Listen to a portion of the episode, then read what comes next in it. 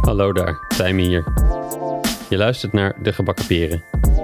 Hier interview ik mijn peerondernemers. Openhartige gesprekken over hun reis als ondernemer, over de successen en de woestere tijden en wat wij daarvan kunnen leren. Maar juist ook over de persoon achter het bedrijf, over wat hun drijft en wat hun heeft gevormd en hoe het nu echt voor hen is om ondernemer te zijn. Of zoals de titel al zegt, wanneer zaten ze gebakken of wanneer zaten ze met de gebakken peren. Oké, dat is de enige en laatste keer dat ik die grap zal maken. Ondernemerschap is de beste school voor persoonlijke ontwikkeling, maar misschien kun je sommige lessen met minder schade en schande leren door slim te spieken, of in het geval van podcasts, af te luisteren. In deze aflevering is Rob Buurman te gast. Rob is directeur van de milieuorganisatie Recyclingnetwerk Benelux, die als doel heeft om de milieuschade als gevolg van grondstofproductie en afvalbeheer te beperken. Speciale aandacht geven zij hierbij aan afvalpreventie, effectieve afvalinzameling zoals met staatsgeld en hoogwaardige recycling. Rob en ik zijn door vorige gast, Freek van der Pluim, aan elkaar gelinkt. En voorafgaand aan het gesprek kenden we elkaar nog niet. In dit gesprek hebben we het over hoe je verandering creëert in een complex systeem, wanneer de grootste belanghebbenden erg gebaat zijn bij de status quo. Over het opbouwen van een team dat meer kan dan hij alleen en hoe hij zichzelf misbaar maakt. En over hoe zij als organisatie omgaan met tegenslagen en met onder vuur liggen. Rob is een rebel die vlijmscherp is op de inhoud en een ijzersterke strategische denker. Ik vind het heel bewonderingswaardig hoe zij hun werk doen en effect sorteren. Veel plezier met luisteren. Hier is die. Welkom Rob. Welkom bij de Gebakken Peren. Leuk Ja. dat je er bent. Ja, hoi, leuk er te zijn. Eerste interview van het jaar voor mij. Ehm, dus we gaan weer beginnen. Wat leuk. Ehm, ik wilde starten met waar je bent opgegroeid. En, en, en dus kun je iets vertellen over eh, het huis, het gezin, het, de, de, de, nou, ja, de omgeving waar jij eh, groot geworden bent? Ja, ehm, ik kom uit een eh, vrij klein dorpje in het oosten van Nederland. Het heet Gent. Ja. En je schrijft het met een DT. Eh, dus niet te verwarren met eh, de Gent uit België. Nee, nee. Waar ik overigens later nog gewoond heb. Ehm, ja, dorpje, 7000 mensen. Eh, in de buurt van Arnhem, in de buurt van Nijmegen. Ja. Vlakbij de rivier. Eh, opgegroeid in een eh, redelijk klassiek woonwijkje. Met speeltuinen in de buurt. En ehm, ja, een gezin van vier. Eén broer en twee ouders. Die op een gegeven moment gezamenlijk een bedrijfje hebben opgezet. Oh ja. In, metaaltechniek. En dat hebben ze een aantal jaar geleden verkocht. Dus die zijn nu eh, gelukkig eh, gepensioneerd. Die wilden dat eigenlijk al eerder verkopen. Maar eh, toen kwam de financiële crisis. En toen wilde niemand meer metaalbedrijfjes overkopen. Oh ja. ja. En, maar die zijn nu gepensioneerd. En eh ik ging om mijn 17e het huis uit. En toen gaan studeren. En ja, eigenlijk ja, niet meer teruggegaan. Ik zou ook niet meer terug kunnen gaan naar het dorp. Misschien wel naar een ander dorp, maar niet meer naar hetzelfde dorp. Dat is toch een soort mafheid, maf of zo, hè? Ik weet nog wel dat wij eh, een tijdje geleden een huis kochten en dat er soms huizen voorbij kwamen in dezelfde wijken ongeveer als waar ik was opgegroeid. En dat vond, het voelde toch als een, te veel als een herhaling van zetten om dan precies in hetzelfde dorp te gaan zitten. Ja, precies. En dan ook eh, van, eh, kijk, mijn achternaam is Buurman. En dat is, dat zie je ook wel eens in die dorpjes. Dan, dan komt zo'n naam wat vaker voor. Dus dan ben je er eentje van. en op een gegeven moment ben ik wel klaar met die vragen. ja, ja, ja, precies. Daar ben je er eentje van. Ja. Hey, wat, wat is één ding wat je eh, hebt geleerd of meegenomen van, eh, van je beide ouders? Ehm, ja, er is een, eh, ik denk, het dorpje Gent is ook best wel een Bourgondisch ingesteld dorpje.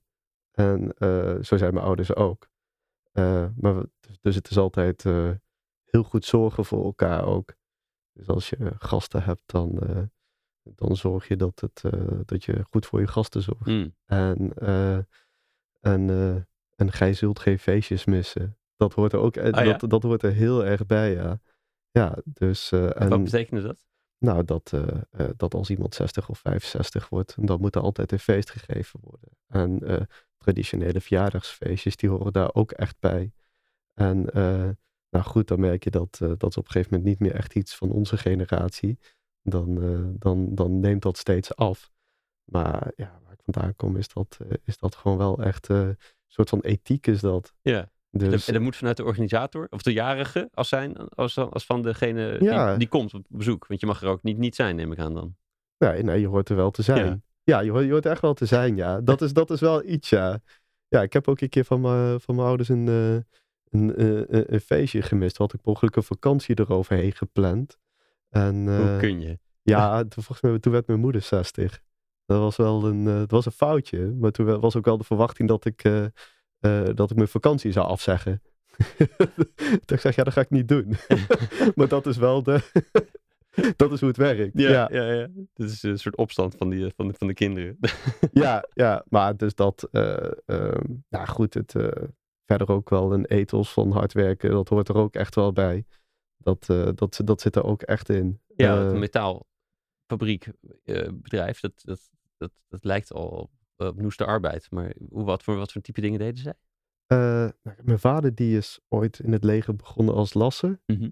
En op een gegeven moment ook eh, bij een ander bedrijfje klom die een beetje op. En eh, ja, was hij degene die, als ze op montage gingen bij andere bedrijven om installaties te bouwen, Ja. eh, dan eh, gaf hij daar leiding aan. En op een gegeven moment heeft hij eh, veel avondschool gevolgd en een eigen bedrijfje zelf opgestart. En mijn moeder ging dan de administratie doen voor dat bedrijfje. In het begin nog niet, maar toen het groeide wel. Ja. En ehm, nou, mijn vader die is gewoon een ontzettende harde werker die daar gemakkelijk 70, 80 of meer uren per week Ja. instak. En dan jarenlang. En dan ja, gewoon echt maandag tot en met, eh, tot en met zondag. Ja. En dan ook, en dan iedere keer opnieuw naar dat industrieterrein.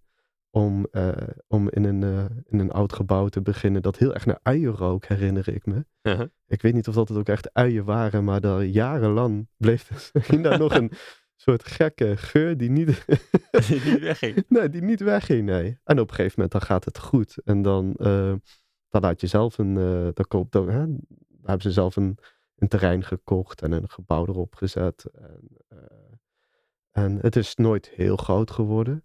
Maar op een gegeven moment, ja, wat was het? Misschien 10, 15 man in dienst. Ja. En eh, dus gewoon voor in het dorp dan een succesvolle ondernemer. Ja, zou ik zeggen. En dat ook niet altijd gemakkelijk ging. Maar wel, wel wat echt met heel veel hard werk tot stand is gekomen. Is er iets wat je van hem meeneemt in, in hoe die, ehm, nou, hoe, hoe, hoe, zij dat bedrijf hebben eh, grootgebracht, wat je nu meeneemt in, in hoe, jij, hoe jij nou ja, de, de club leidt? Nee, we zijn echt heel anders daarin. Dat is echt, eh, en de, ja, dan merk je ook gewoon een hele andere tak van sport. Ehm, je moet je voorstellen als je zo'n metaalbedrijfje hebt. dus werken gewoon best wel veel jonge gasten. En eh, er zijn jonge gasten die houden van snelle auto's, goede technofeesten. Ja. En eh, er moet ook wel discipline bij komen. Mhm. Dus dan, eh, eh, dat is heel erg van, op dat uur begin je en op dat uur stop je. En eh, half één gaat de bel, dan ga je eten. En eh, om, om drie uur of vier uur hebben we nog een kwartiertje pauze. En eh, dit is het uur waarop we stoppen en nu mag je weg. En, en dus dat, dat, dat, dus, daar zit heel veel structuur aan vast. Dus hè, het is ook echt van, je komt te laat of je komt op tijd. Je moet niet een paar keer te laat komen. Ja. En, ehm, en ik denk eh, in ons type organisatie, waarbij we samenwerken en samen creatieve processen opzetten, ehm, werk je eigenlijk niet meer zo. nee. Mensen willen niet meer zo werken. En, men- en, en het hoeft ook niet, want er zit heel veel eigen motivatie. Mhm. Er zitten heel veel mensen die willen heel graag presteren. In een type organisatie wat ik heb, daar moet je eerder mensen tegen zichzelf in bescherming nemen. Omdat ze vaak te hard willen werken, omdat ze eh, te veel hooi op hun vork nemen, Mhm. omdat ze heel veel ambitie ook hebben, eh, omdat ze perfectionistisch zijn. Terwijl in, hè, in een type organisatie als wat mijn vader had, het type bedrijf daar, moet je gewoon mensen soms op een flikker geven. want anders En lopen dat- ze de kantjes er vanaf. Ja, ja, precies. En goed, overal moet je, in iedere organisatie moet iemand, moet je wel eens iemand op zijn flikker geven. Maar ehm, dat is, eh, eh, ja, de aard, is, de aard van Mhm. de organisatie is wel heel erg anders. En eh, als ik kijk naar mijn vader, dat was een zeer gedisciplineerde man. En die altijd, die dacht van, je begint zo laat en dan ga je gewoon keihard werken en dan stop je. En de volgende dag ga je gewoon weer keihard werken en dan stop je. Maar het hangt ook af van het type werk dat je doet. En bij ons type werk heb je soms ook gewoon de energie nodig om tot de juiste output te komen. Ja. De juiste processen te komen. Dan kan je niet altijd heel goed forceren. Nee, klopt. Gewoon meer uren erin dragen heeft niet per se een beter idee. Niet altijd, nee. Nee, nee. Echt het, eh, het klassieke douchemomentje. waar, waar je ingevingen hebt, Ja. die zijn belangrijk. Ja, ja, precies. En eh, jezelf goed voelen om, om, om met energie eh, processen op te starten, relaties aan te gaan met mensen en samen mooie dingen te creëren. Ja. Dat is heel erg belangrijk. Ja. Maar als je natuurlijk een constructie in elkaar moet zetten, dan is het gewoon een kwestie van moertjes aandraaien. Ja. En dat is, eh, dat is gewoon echt heel anders. Ja, het is wel een groot verschil tussen iets wat gecompliceerd is, waar je een oplossing voor hebt. Hier is een playbook, hier is een stappenplan, voer uit. Ja. Eh, of dit is complex, we weten het eigenlijk Ja. niet. Het moet iedere keer weer fris zijn om, Ja. om zo goed mogelijk in te schatten wat nu de beste zet is. Ja, ja, ja. En als, als ik zo naar mijn vader kijk, dat is wel een, eh, in principe wel een goede ondernemer geweest. En ook eh, met, eh, met heel veel soort besef van wat goed is, wat hoort en wat niet hoort. Ja. Eh, maar, maar ook van, ik ik denk dat hij ook wel graag nog had gehad dat de onderneming nog groter was geworden. Dus op een gegeven moment dat hij ook wel tegen zijn eigen limieten daarin aanliep van hoe goed hij uiteindelijk zelf is als ondernemer, van wat, de wat de mogelijkheden Ja. zijn. Ja, ik weet niet of, het- of je je vrij voelt om daarover te praten, maar ik ben wel benieuwd. Weet jij, als je nu, omdat je ook een andere, zo'n andere tak van sport zit, een andere manier van ehm, naar teams aansturen, of jij ook of vanuit die bril ook een soort blik hebt van wat, wat, wat, had, die, dat, wat had het dan wel groter kunnen maken? Wat, wa- wat was de limiet? Oh nee, dat, eh, nee, dat idee heb ik echt niet. Ik, dat is, eh, daarvoor heb ik net iets te veel afstand Hmm. ten opzichte van wat er gebeurd is. Om, eh, om, om, om te kunnen zeggen hoe het goed bijgestuurd had moeten worden. Ja, ja, precies. Dat is, eh, ik denk, eh, want kijk, mijn type organisatie is eh dermate anders van aard. Kijk, in dat soort organisaties, je moet bijvo- va- vaak gewoon net iets meer een handige Harry zijn. Hè, dat, Om weer een klus binnen te harken. ja, ja, precies. Gewoon een beetje handig zijn. Soms moet je, een beetje, moet je gewoon een hele goede regelneef zijn. Dus niet iemand die per se altijd maar meer uren erin stopt, maar ook gewoon iemand die, die handige weet, eh, Ja. weet te sluiten. Die, eh, eh, dus, dus dat is, het, het is ook een kwestie van karakter. En dat zie je toch wel vaak met ondernemers, behoorlijk eigenzinnige mensen. En eh, het zijn ook al helemaal niet vaak de slimste die per se een hele goede ondernemer zijn. Het zijn eh, vaak best wel handige mensen. Ja, het is, En- het is altijd meerdere type skills die komen kijken. Iets, Ja. iets, iets heel goed kunnen of slim zijn of iets, de inhoud heel goed snappen. Een heel mooi uitgewerkt product kunnen maken is niet per se het enige wat nodig is natuurlijk. Nee, nee, nee, precies. Dus ik denk, eh, eh, ja, ik, ik, zou daar ook niet, eh, ik zou dat ook niet beter gedaan hebben, denk ik. Heb jij nog wel eens, ik kan me voorstellen dat die, dat die Morris van hard werken er best wel in gaat zitten dan bij jezelf ook. En dat je dat ook onbewust gaat verwachten van mensen om je heen. Is, hoe is die switch gegaan van, naar echt beseffen, hey, wacht, dit is niet wat hier nodig is. Nou, ik, nou, om eerlijk te zijn, kijk, ik heb dat wel een beetje meegekregen, maar ik, heb er ook wel een beetje, ik ben er ook altijd wel een beetje opstandig tegen Ja. geweest. Gebeurde er eerder al. Ja, dus dat is, ja, je, je neemt het mee, maar je verzet je er ook tegen. Dus dat is niet, eh, het is niet zo van dat het dan eh, zo, eh, zo vader, zo zoon Nee, is, nee, die, nee. die dan ook die, al die uren erin gaat steken. Ik heb dat in de eerste twee jaar wel gedaan, veel Ja. uren erin stoppen, maar ik ben er ook van op, terug, van, van op teruggekomen. Dat ik dacht eh, dat dat gewoon te veel energie kost. En dat en de dat, eerste jaren van, van deze club of bedoel je van... eh, oh, van deze club, ja, ja. ja. ja. oh, ik dacht misschien nog eerder in andere plekken waar je gewerkt had voor. Eh, Nee, nee, nee, dat is. dat, dat was. ik heb eerder in België voor een consumentenorganisatie en voor een milieuorganisatie daar gewerkt. En nou, die consumentenorganisatie was echt een drama. Die zat zo slecht in elkaar, daar ging je ook niet harder voor werken. Ja, oké. ja, oké. ja. Ehm, maar nee, ik heb daar. eh, nee, dat, eh, dat, dat waren gewoon redelijk eh, standaard, standaard uren en die klokken. ja, ja, precies. Dus dat, dat begon eigenlijk pas toen ik mezelf wat moest gaan opbouwen. Ja, grappig. Hey, ik, ik, zag dat jij aeronautische techniek, ik weet niet zo goed of dat in de studie na- naam zat, maar bent gaan studeren, maar toch, toch een beetje de metaal. Kan misschien Ja. vader opgegaan? Ja, vliegtuigbouwkunde, luchtvaarttechnologie, of op zijn Engels aeronautical engineering. Ja. Ehm, ja, dat heeft er wel mee te maken. Dat, eh, het, het, was, eh, het was absoluut een no-go dat ik eh, vroeger op de middelbare school, ja, toen mochten we alle afzonderlijke vakken nog kiezen, Ja. dat ik voor tekenen en, en, eh, en, en talen en eh, de, hoe zou ik het zeggen, de, de softere vakken zou Ja. gaan. Ja. Eh, Ja, nou, die moest- technische beta-vakken die waren... er, er moest wel iets serieus gebeuren, ja. En serieus betekent wel de moeilijke wiskunde en natuurkunde en scheikunde. Dus dat was wel een, Ja. dat was wel een, ja, dat was wel een vereiste. Dat, dat, dat, dat mocht geen pretpakket zijn. Een pretpakket, ja, dat had je vroeger, Ja. zo heette dat. Dus, nee, dat, ja, dus automatisch. Ik, ik, eh, en, en om eerlijk te zijn, ik was 17 toen ik ging studeren. Mhm. Nou ja, ik bedoel, ik had, ik had echt geen flauw benul van wat ik wilde. Dus een, iets, iets technisch, dat leek, leek logisch. En vliegtuigen leek me dan weer net iets interessanter dan eh, andere technische onderwerpen.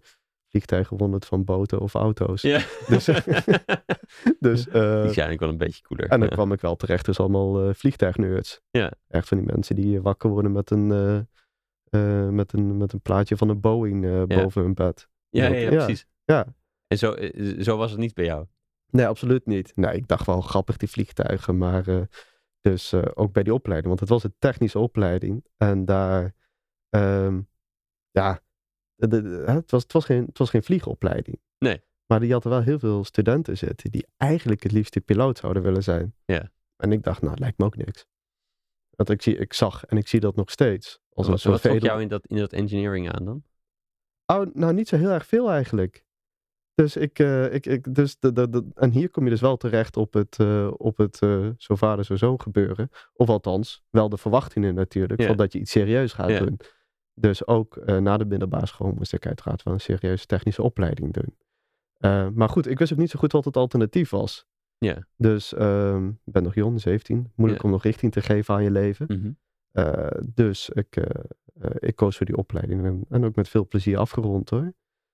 Maar ik wilde uiteindelijk geen ingenieur worden. Daar Nee. was ik wel achter tegen het einde. Want ik, ik zag mezelf wel tekeningen maken achter de computer. een onderdeel van een landingsgestel. Dan bedenken. Ja, En ja, trok me niet. om dat dus- verder te gaan doen. Nee, ik was nog niet klaar. Nee. Klaar? Nou, ik was nog niet klaar om te gaan werken. Nee. Ik, ik, mo- ik moest nog iets anders gaan verkennen. Nee, dat, en dat, dat ben je ook genoeg volgens mij. Je bent nou, meer de filosofienkant op gegaan. Of Ja. de filosofiekant op gegaan. Ja, ja eigenlijk een van mijn, eh, van mijn vriendjes, waarmee ik eh, eigenlijk iedere week in de kroeg ging, die zei van Rob, dit is echt iets voor jou. Van, eh, daar, je moet iets van filosofie gaan studeren of zo. En toen ging ik eens bij een wetenschapsfilosofische opleiding kijken. En eh, ja, ik was daar binnen no time als ik eruit dat, eh, dat dit echt wel een andere richting was die, eh, die veel meer bij mij aansluit. Ja, want het is niet de richting, dus, dus die, nou ja, thuis bestond het niet. En, maar, maar begon het al, wat begon te broeien al, behalve dit gesprek in de kroeg? Ja, het is. ehm, ja, je merkt ook hè, op een gegeven moment, ja, je hebt gewoon een bepaald karakter. En mijn karakter was niet zozeer degene die heel graag eh, de technische oplossing eh, in de praktijk bracht. Maar ik vond het veel interessanter om het over technologie te hebben.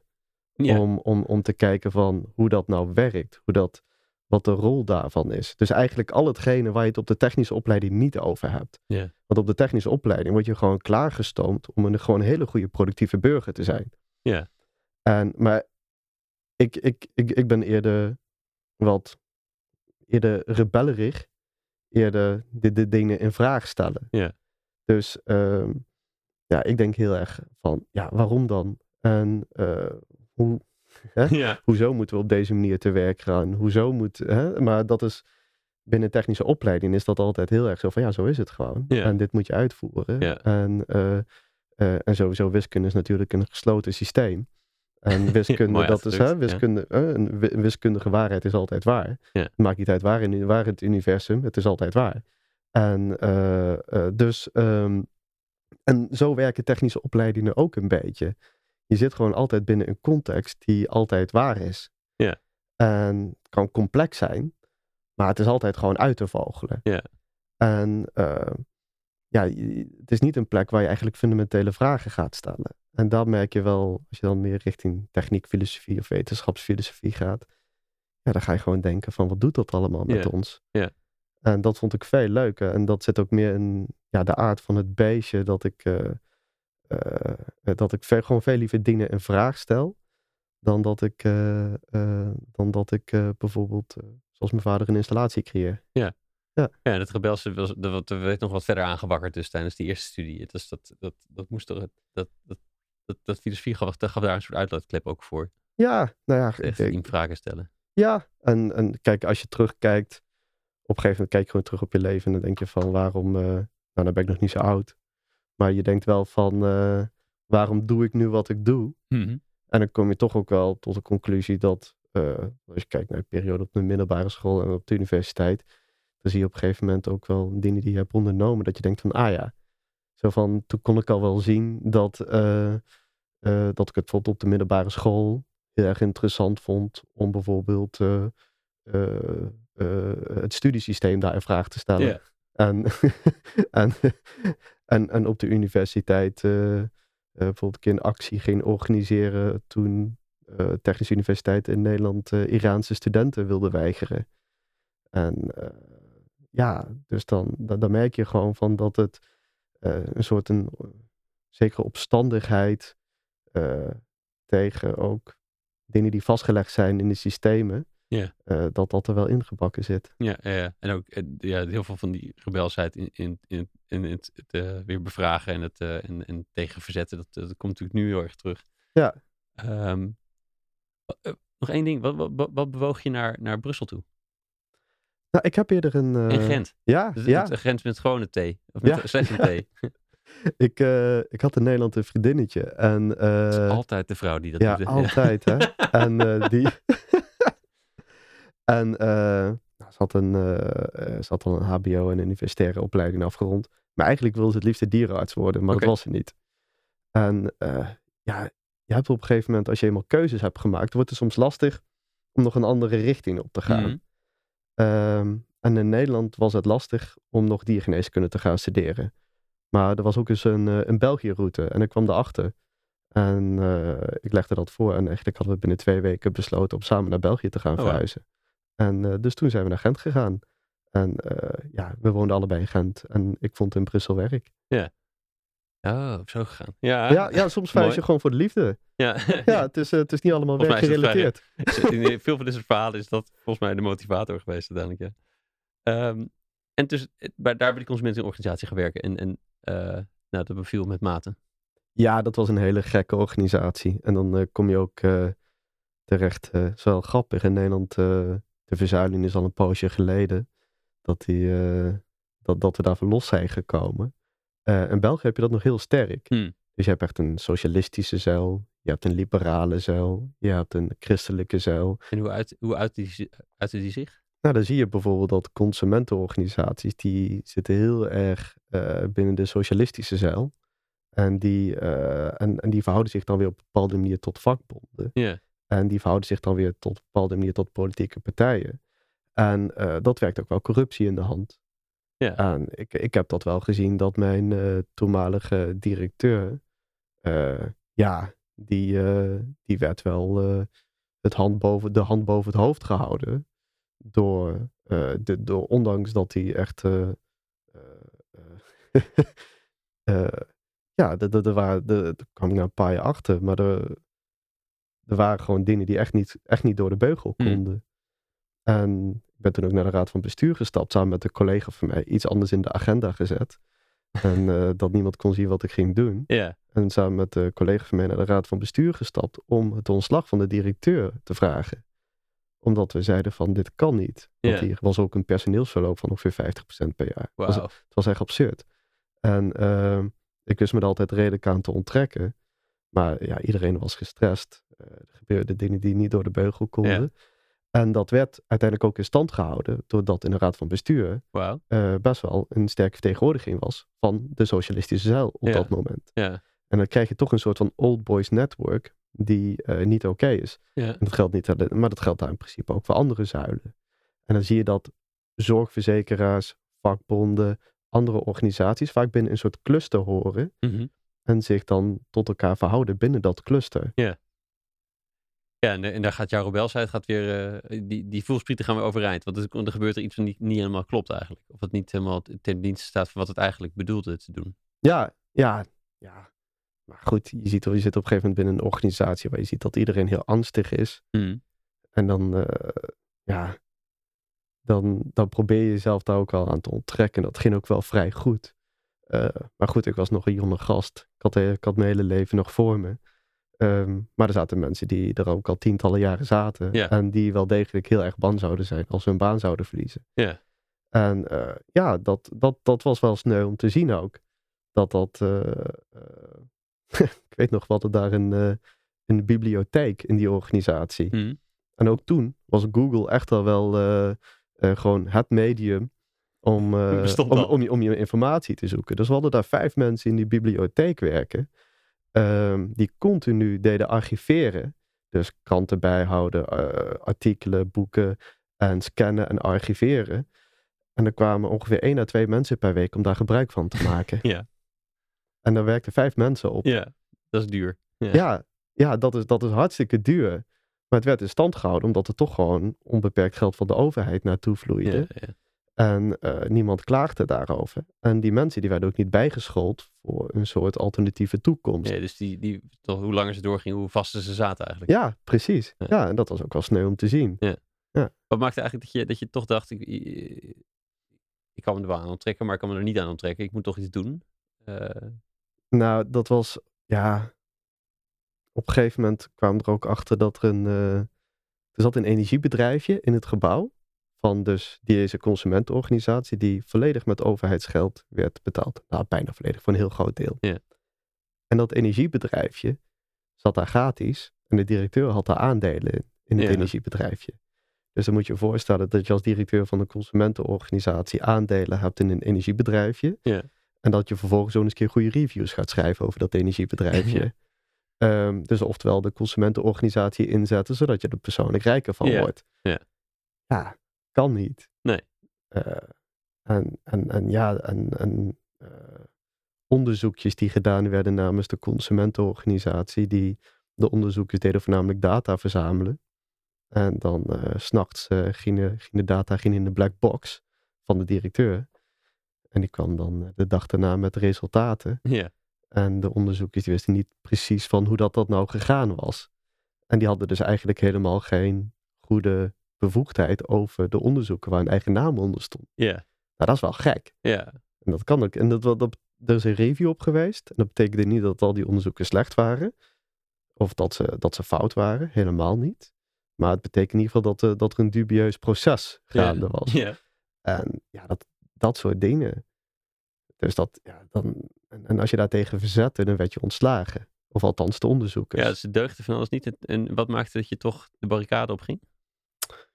Ja, ja, ik Of ben toch, gewoon, ik ben- wat, maakte dat je de barricade opging? Dat is Nou, makkelijker om ja. stil te blijven zitten. Nou, ik had de mazzel dat ik, eh, dat ongeveer 95% van mijn werk, dat, ik, eh, dat de directeur zich daar niet mee bemoeide. Ja. Ik had, ik had een vrije rol, dus daardoor kon ik het ook redelijk goed uithouden.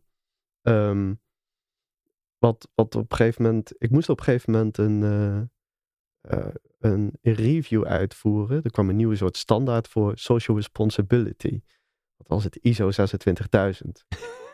ja, mooie naam. Ja. En, eh, eh, eh, we kregen wat geld om, om een soort review te doen op de organisatie. En het kon gaan over een milieu, het kon gaan over personeelsbeleid, over van alles. Gewoon brede maatschappelijke verantwoordelijkheid. En onze directeur die was fan van labels.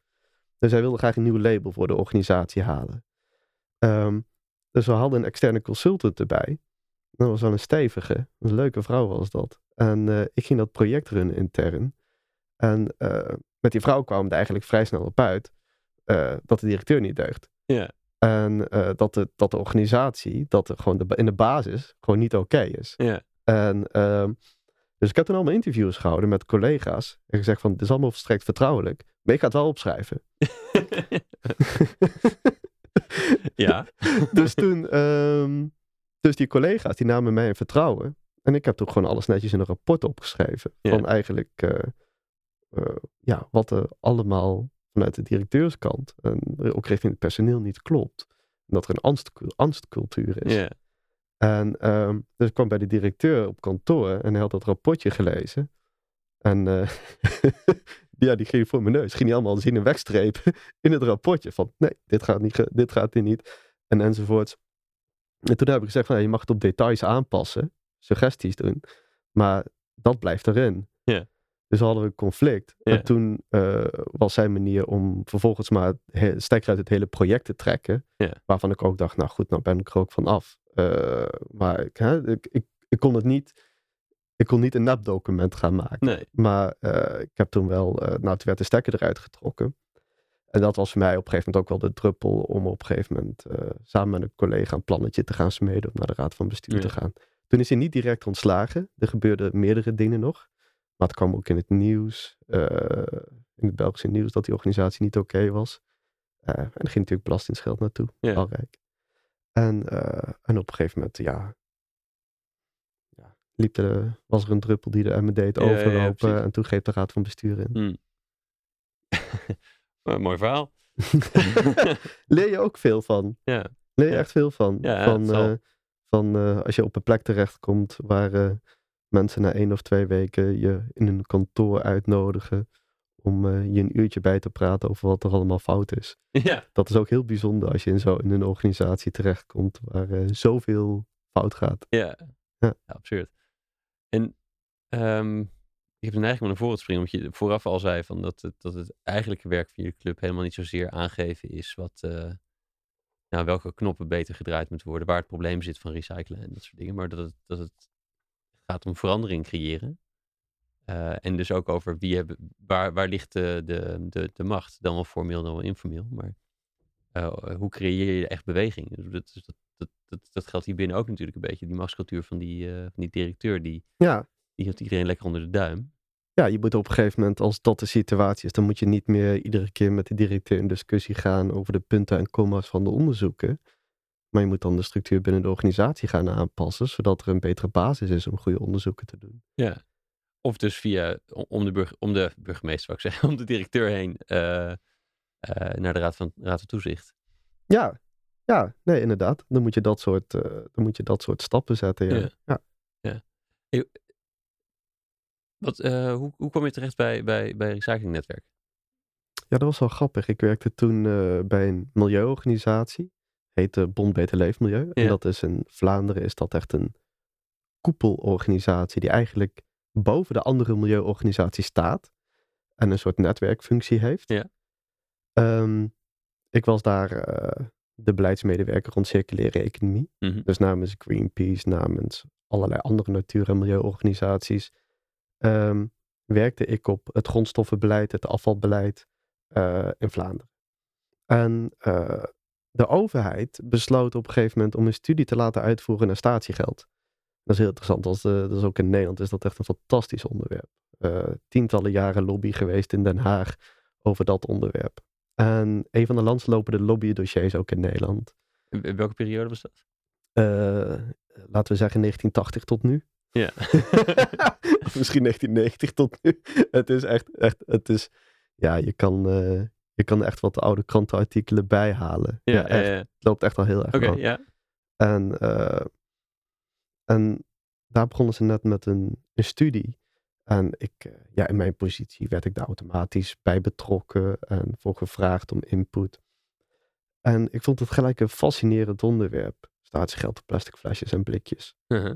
Ehm, Waarom? heel, Wat was dat? eh, omdat er ook, ehm, omdat het, als je naar de informatie erover kijkt, de beschikbare, nou, de, de, de- gewoon naar de cijfers kijkt, dan denk je, dit is een no-brainer. Het is, eh, het is een relatief gemakkelijk iets. Plakken waarde op een waardeloos product. En je zorgt dat het beter wordt ingezameld. Je haalt het van de straat. En, eh, en je kan het vervolgens eh, hergebruiken of recyclen. Milieutechnisch gezien, e- e- echt, echt een no-brainer. Maar goed, je hebt te maken met bedrijven die daar geen zin in hebben. Ja. En dat zijn hele grote bedrijven. Dat zijn grote eh, drankenbedrijven. Dat zijn grote supermarkten. Ja. En dat geldt in Nederland en dat geldt in ieder land in de wereld. En eh, toen in België, ik weet nog dat mijn leidinggevende zei toen tegen me, nou Rob, ik denk niet dat we je aandacht aan moeten besteden. En ik, en, ik, en, ik, en ik keek naar dat onderwerp en ik dacht van, oh maar dit is veel te interessant. Hier, hier moeten we wel aandacht aan gaan besteden. En toen, eh, toen kwam ik ook toen bij een meeting die we met wat milieuactivisten daar hadden opgezet, eh, kwam toen ook een, eh, een Nederlander kwam langs. En ja, ik werkte in België dus met Vlamingen allemaal. Ja. En er kwam een Nederlander langs, Robert van Duin. En eh, hij was toenmalig directeur van Recyclingnetwerk. Ja. En we raakten aan de praat. En uh, op een gegeven moment, uh, nou ja, hij werd ook al 65. En hij wilde een stapje terug doen. En meer ruimte creëren voor wat nieuwe projecten. Ja. En toen vroeg hij uh, aan mij of dat we niet eens een keer, niet op dat moment al, maar op een later moment, of dat we niet eens een keer konden praten. Of dat ik niet geïnteresseerd zou zijn om de toko over te nemen. Ja, en zo ging en, dat. En zo ging dat. Ja, dus toen hebben we een paar biertjes uh, gedronken op het terras ergens in Gent. Ergens aan het water. En ik was eigenlijk al van plan om terug te gaan naar Nederland. En ik had het al bedacht dat ik terug wilde. Of in ieder geval weg uit België. Ik wilde Ja. ergens anders naartoe. En Nederland, terug naar Nederland klonk ook wel aantrekkelijk. Dus ik dacht, nou, waarom ook niet? Ja. Alleen, ja, dat, ja we hadden, er was toen nog helemaal geen personeel. Dus, uh, en uh, hij, hij, hij, deed het, hij heeft een enorme track record in het Nederlandse, in de, binnen de Nederlandse milieubeweging. Mhm. Hij heeft ook aardig wat organisaties meegeholpen op te zetten. maar hij runde dit op dat moment dus in eentje. Vanuit een heel mooi kantoor in, een, in zijn achtertuin. ja. een heel mooi groot kantoor in zijn achtertuin. Op een hele mooie plek in de Veluwe. Oké. Um, altijd een genot om daar te komen. Um, maar er moest wel iets opgebouwd worden nog. Ja. Ja, dus dat, en daar, daar hebben we toen samen plannen voor gemaakt. Wow. Hoe is dat gegaan? Want intussen zijn jullie, als ik goed heb, met z'n vieren. En... Volgens mij zijn we inmiddels met acht. Oh, wauw. Ja. Dan heb ik een oudjaarverslag gepakt. Ja, ja, ja. ja we, zijn, uh, we zijn gegroeid. Ja, je zal het beter weten dan ik, Jan. Ja. Volgens mij zijn we met acht. Maar het, het is ja, inclusief, inclusief mij. Volgens mij met acht nu, ja. Um, ja, dit jaar een paar nieuwe collega's ook uh, bij aangenomen. Dus het, uh, we groeien wel. Ja. Dat gaat goed. Ik voel ook wel druk nu om stabiliteit te creëren in de organisatie. En dat gebeurt, hoe, hoe creëren jullie voor jullie stabiliteit? Ja, dat weet ik nog niet. Daar ga ik dit jaar achterkomen. nee, het is een... Uh, ja, ik heb, ik heb er wel ideeën over hoor. Um, maar even om het heel uh, plat te zeggen. Je hebt uh, mensen die de winkel bouwen. Je hebt mensen die op de winkel passen. Mm. En ik ben wel echt meer een type die iets, die iets opbouwt. Ja. En ik zeer creatief. En ik kan allerlei nieuwe dingen bedenken. Dus ik heb op een gegeven moment ook echt wel mensen om me heen nodig die organisatorisch goed zijn. Die ook uitvoering kunnen geven. Ja. Um, maar ik ben niet de beste persoon die, uh, die, die, een, die een organisatie tientallen jaren lang stabiel door wilde wateren vaart. Dus ik ben ook wel na te kijken om daar te zorgen dat er meer verantwoordelijkheid bij anderen komen te liggen. Ook vanuit het idee dat dat, dat dat nodig is voor de organisatie. Dus mensen die echt, ja, het. Kijk, ik, ik kan allerlei nieuwe projecten bedenken, maar op een gegeven moment moet er ook gewoon een goede structuur zitten in een organisatie. Yeah. En bij ons iedereen, we, ik denk dat de meeste collega's met heel veel plezier werken is altijd natuurlijk altijd, dat heb je altijd de hoop uh, uh, als je zelf de directeur bent, dat, dat je collega's tevreden in, zijn. In, de, in Brussel ook. Ja, ja, ja, ja, dat dacht ik. um, en ja, iedereen die ook, uh, ja, de mensen met wie we begonnen, die zijn er ook nog steeds. Ja, en ja. ook, en in die, ja, daar ook een hele goede relatie mee. Um, maar ik merk ook wel dat daar, dat, dat je op een gegeven moment moet zorgen dat er continuïteit komt. En dat is niet altijd door alleen maar nieuwe, leuke, toffe dingen te bedenken en te doen. Maar dat is ook door goede procedures te creëren. Yeah. Door Yeah. met elkaar goede afspraken te maken in de organisatie. En daar heb je gewoon ander, ander slag mensen ook voor nodig. Ja, dus in, in, op een gegeven moment ga je, ook, ga je ook, je bent een beetje waarschijnlijk over de grens gegaan, dat het niet meer makkelijk informeel iedereen op de hoogte houden is. Ja, ja, ja, ook. Ja, ook. En ik, nou, je merkt ook dat uh, ja, je hebt op een gegeven moment verschillende, je, je, hebt allerlei skills nodig om een organisatie goed te laten functioneren. Dus hè, we hebben het over HR, dus je moet met mensen omgaan. Uh, maar tegelijkertijd moeten nieuwe projecten worden gecreëerd. Uh, er moet een websiteje worden bijgehouden. Yeah, yeah. en, en je merkt gewoon op een gegeven moment het, de, de variëteit aan taken die is zo groot. Yeah. Dat het A, qua tijd is dat wel moeilijk te behappen. Maar ook qua, zou ik zeggen, brain space. Ja, aandacht. Dat je de, de aandacht die je echt inderdaad kan geven aan verschillende type ja. Onderwerpen waar je mee bezig moet zijn. Ja. En ik ben iemand die op een gegeven moment ook... Uh, uh, heel veel mensen krijgen heel veel energie van continu met mensen werken. ik krijg er ook wel wat energie van. Maar ik krijg ook heel veel energie van met rust gelaten te worden. en die ruimte werd steeds kleiner. En die ruimte wordt steeds kleiner, ja. Ja, ja. En dat, is, dat merk ik, dat is wel een uitdaging. Ja. Omdat, eh, en, eh, ja, ik, eh, ik ga ook gewoon heel goed op ja, beleidsteksten doornemen. En dat is, voor, en dat, is ook wel nog nodig. Het is niet alleen omdat jij het wilt. Het is ook wel belangrijk voor de club nog dat dat gebeurt. Of, Ja, dat is ook nog belangrijk voor de club dat dat gebeurt, Mhm. ja. Maar dat zijn ook dingen waar ik A, steeds meer afstand van moet nemen.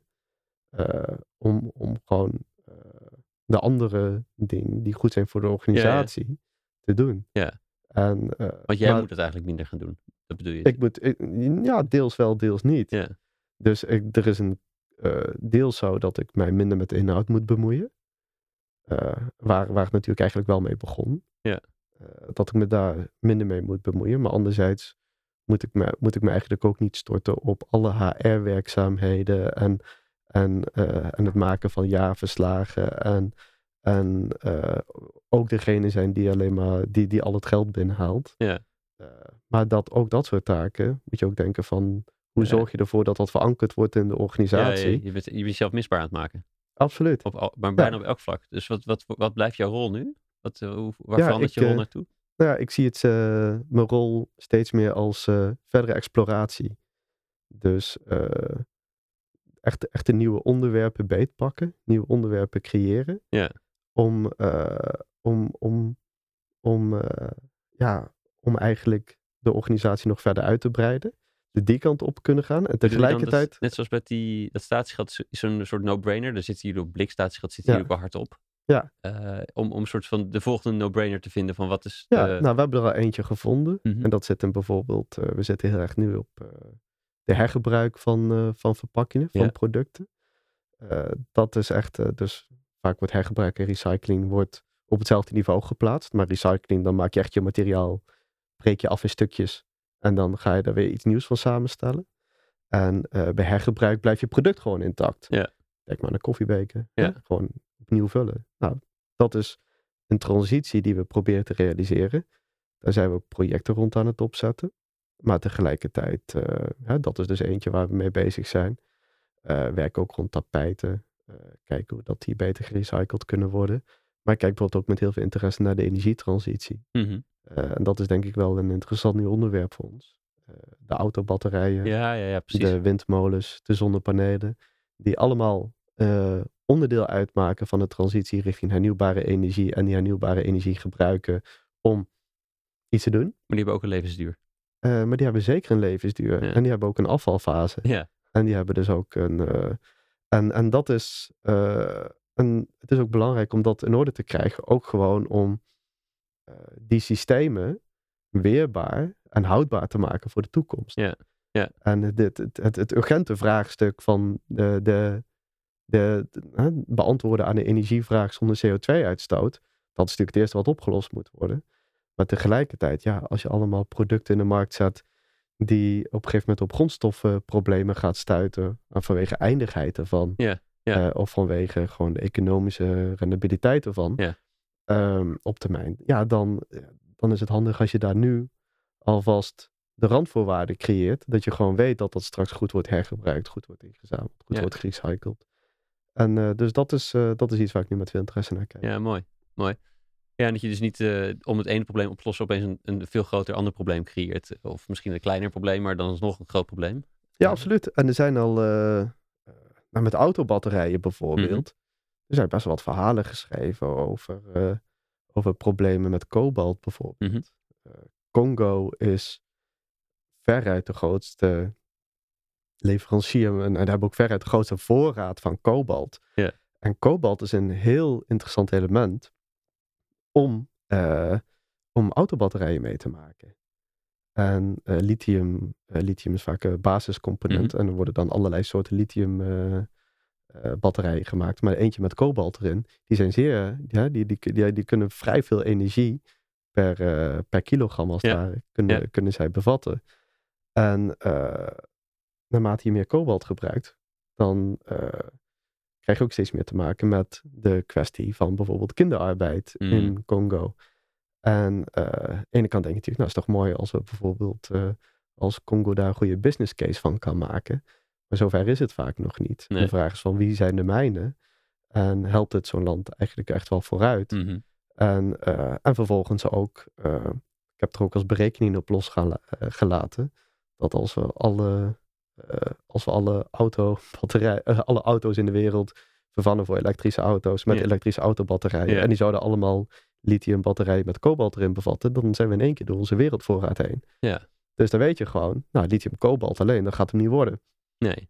En althans niet als een volledige vervanging van het huidige systeem. Ja, daar hoef je maar gewoon een simpele berekening Ja, van ja, te maken. precies. Dan kom je er redelijk snel uit. Dus eh, we moeten A denken aan het behoud van die grondstof. En B ook denken aan van, ja, wat is het alternatief? Ja, en als je het in een bepaald tempo moet doen, hoe snel moet het dan in- Congo eh, omschakelen? En gaat het dan wel een beetje volgens op de manier dat je wilt? Eh, qua organisatie met kinderen of zonder kinderen, dat soort dingen. Ja, absoluut. Ja, en dat is vaak ook nog heel erg lastig om, om dat zomaar uit te bannen. Eh, Kijk naar bijvoorbeeld Tony Chocoloni. Die, die gaan voor slaafvrije chocolade. En dat, dat, dat, daar maken ze een missie van. En dat doen ze supergoed. Maar het is nog altijd heel moeilijk om dat 100% te garanderen. Hmm. eh, om dat voor elkaar te krijgen. En dat, en, en dat, is een, dat is echt een proces van de lange adem. Ja, Ja. ja. ja, precies. Ja. En nog even, even wat ik, ben- ook heel erg benieuwd naar hoe jullie eh, acties bedenken. Dat is volgens mij, we zijn, het is- ik had het vooraf over mijn, mijn briefje met vragen die ik bedenk Ja. van tevoren. hè. Dus een, een, die ik tijdens het gesprek nooit gebruik, maar mijn eerste ging over de acties. Eh, ik was nog even benieuwd over dat jezelf misbaar maken. Dus hoe, hoe is dat? eh, want ik denk dat dat iets is wat bij veel ondernemers wel speelt. Dat je op een gegeven moment merkt van ja, ik, ik, ik was degene die alles deed of goed kon. Eh, maar als de club moet groeien, dan moet de club het, het gaan doen. En ik moet mezelf een beetje daar op een ander vlak gaan, Ja. gaan zetten. Ehm, hoe is dat realisatieproces gegaan en hoe is het ook voor jezelf geweest? Ik kan me ook voorstellen dat het wel fijn is om lekker onmisbaar te zijn. Ja, nee, daar, heb- daar, heb ik, daar heb ik geen last van. Oké, dat nee, scheelt ik, weer. ik, ik heb er zeker wel last van om, eh, om dingen uit handen te geven. En dat is eh, zeker als het gaat over, over inhoud. Ja. Eh, en dat komt omdat wij ook wel in een, als organisatie zitten wij gewoon in een hoge drukvat. Ja. Werken wij. Dus dat, en daarmee bedoel ik dat als wij iets doen, dan, dan stappen we ermee naar buiten. Ja. En dan praten we met journalisten. En dan, en dan zetten we bijvoorbeeld druk op de overheid. En dan wordt de overheid niet vrolijk van. Nee. Of we zetten druk op bedrijven. Dan worden die bedrijven niet vrolijk van. Dus die gaan ook tegendruk geven. Ja. En dat betekent dat alles wat je doet, dat je er heel erg zeker van moet zijn. En dat je ook ontzettend stevig in je schoenen moet staan. Ja. En dat je heel goed moet weten waar je op dat moment mee bezig bent. Ja. En dat is een combinatie van wat voor soort instrument gebruik je, op welke manier zet je druk, Ja. Op welke manier of hè, creëer je een wenkend perspectief. Ehm, dat kan natuurlijk ook, hè, want we proberen niet iedereen aan een schandpaal te nagelen, maar we proberen ook mensen mee te nemen in verhalen waarvan we denken dat ze interessant voor ze zijn. Ehm, maar ehm, er zijn altijd partijen die tegen je zijn als milieuorganisatie. Ja. En dat heeft, dat moeten we ook altijd beseffen, dat heeft te maken met de aard van het beestje. Je probeert dingen te veranderen en de status quo is nooit oké. De status quo is altijd, en maar er zijn altijd gevestigde belangen met die status quo. Dus wij proberen daar altijd verandering in te brengen en daar, en daar druk op te zetten. En dat betekent ook van dat, daar, dat we daar geen fouten mogen maken. Dat mag niet. En er mogen intern mogen allerlei foutjes gemaakt worden, maar niet op het moment Ja. dat we echt naar buiten stappen. Dan moet het goed zijn. Net als met die Tony Chocolonely, die, die, die 100% moet je bijna garanderen. Want als, je, als het ook al zit er maar een, een, een Ja. procentje promiel naast, dan, dan, dan is het hele verhaal onderuit. Dan, dan, dan, dan, dan, dan, dan, ben, ja, dan ben je wel extra vatbaar voor kritiek. Ja. ja, Ja. ja. Dus, eh, dus ik besef me dat heel goed. En het betekent ook dat daar. eh, dat, dat is ook iets wat ik moeilijk vind dan om los te laten intern. Ik kan gemakkelijker wat andere procedures in de organisatie kan ik gemakkelijker loslaten dan, eh, dan, dan dat onderdeel. Dus dat is, dat is wel een uitdaging. Als ik het heb over mijn eigen positie.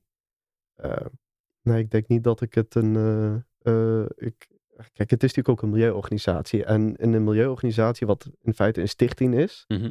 ehm, ben ik ook maar uiteindelijk een passant. Dus het is niet mijn eigendom. Nee, dat, Dus is ik- andere, dat, is, dat is anders inderdaad. Maar dat is wel grappig ook. eh, Nog, nogmaals, je bent iets anders dan de meeste gasten in de podcast. Maar ik, ik vind het wel een grappige realisatie dat het dus ook anders wordt als je dus passant wordt. Als je dan als het jouw toko, je kindje is. Eh, Ja. En dat het zo erg aan je ver- verkleefd zit. Ja. Dat, Maar tegelijkertijd, omdat wij heel erg veel werk naar buiten doen, En dus dat ik, eh, dan word je ook echt eh, heel erg het gezicht van een organisatie. Een milieuorganisatie kan niet zonder gezicht. Ja, ja. Dat moet je ook zijn. Ja. Dus aan de ene kant, het is een type organisatie waar je ook misschien nog wel meer verkleefd mee raakt dan bij een normaal bedrijf. Ja. Aan de andere kant, Ja, die hebben als de klanten natuurlijk, die altijd de relatie hebben met jou.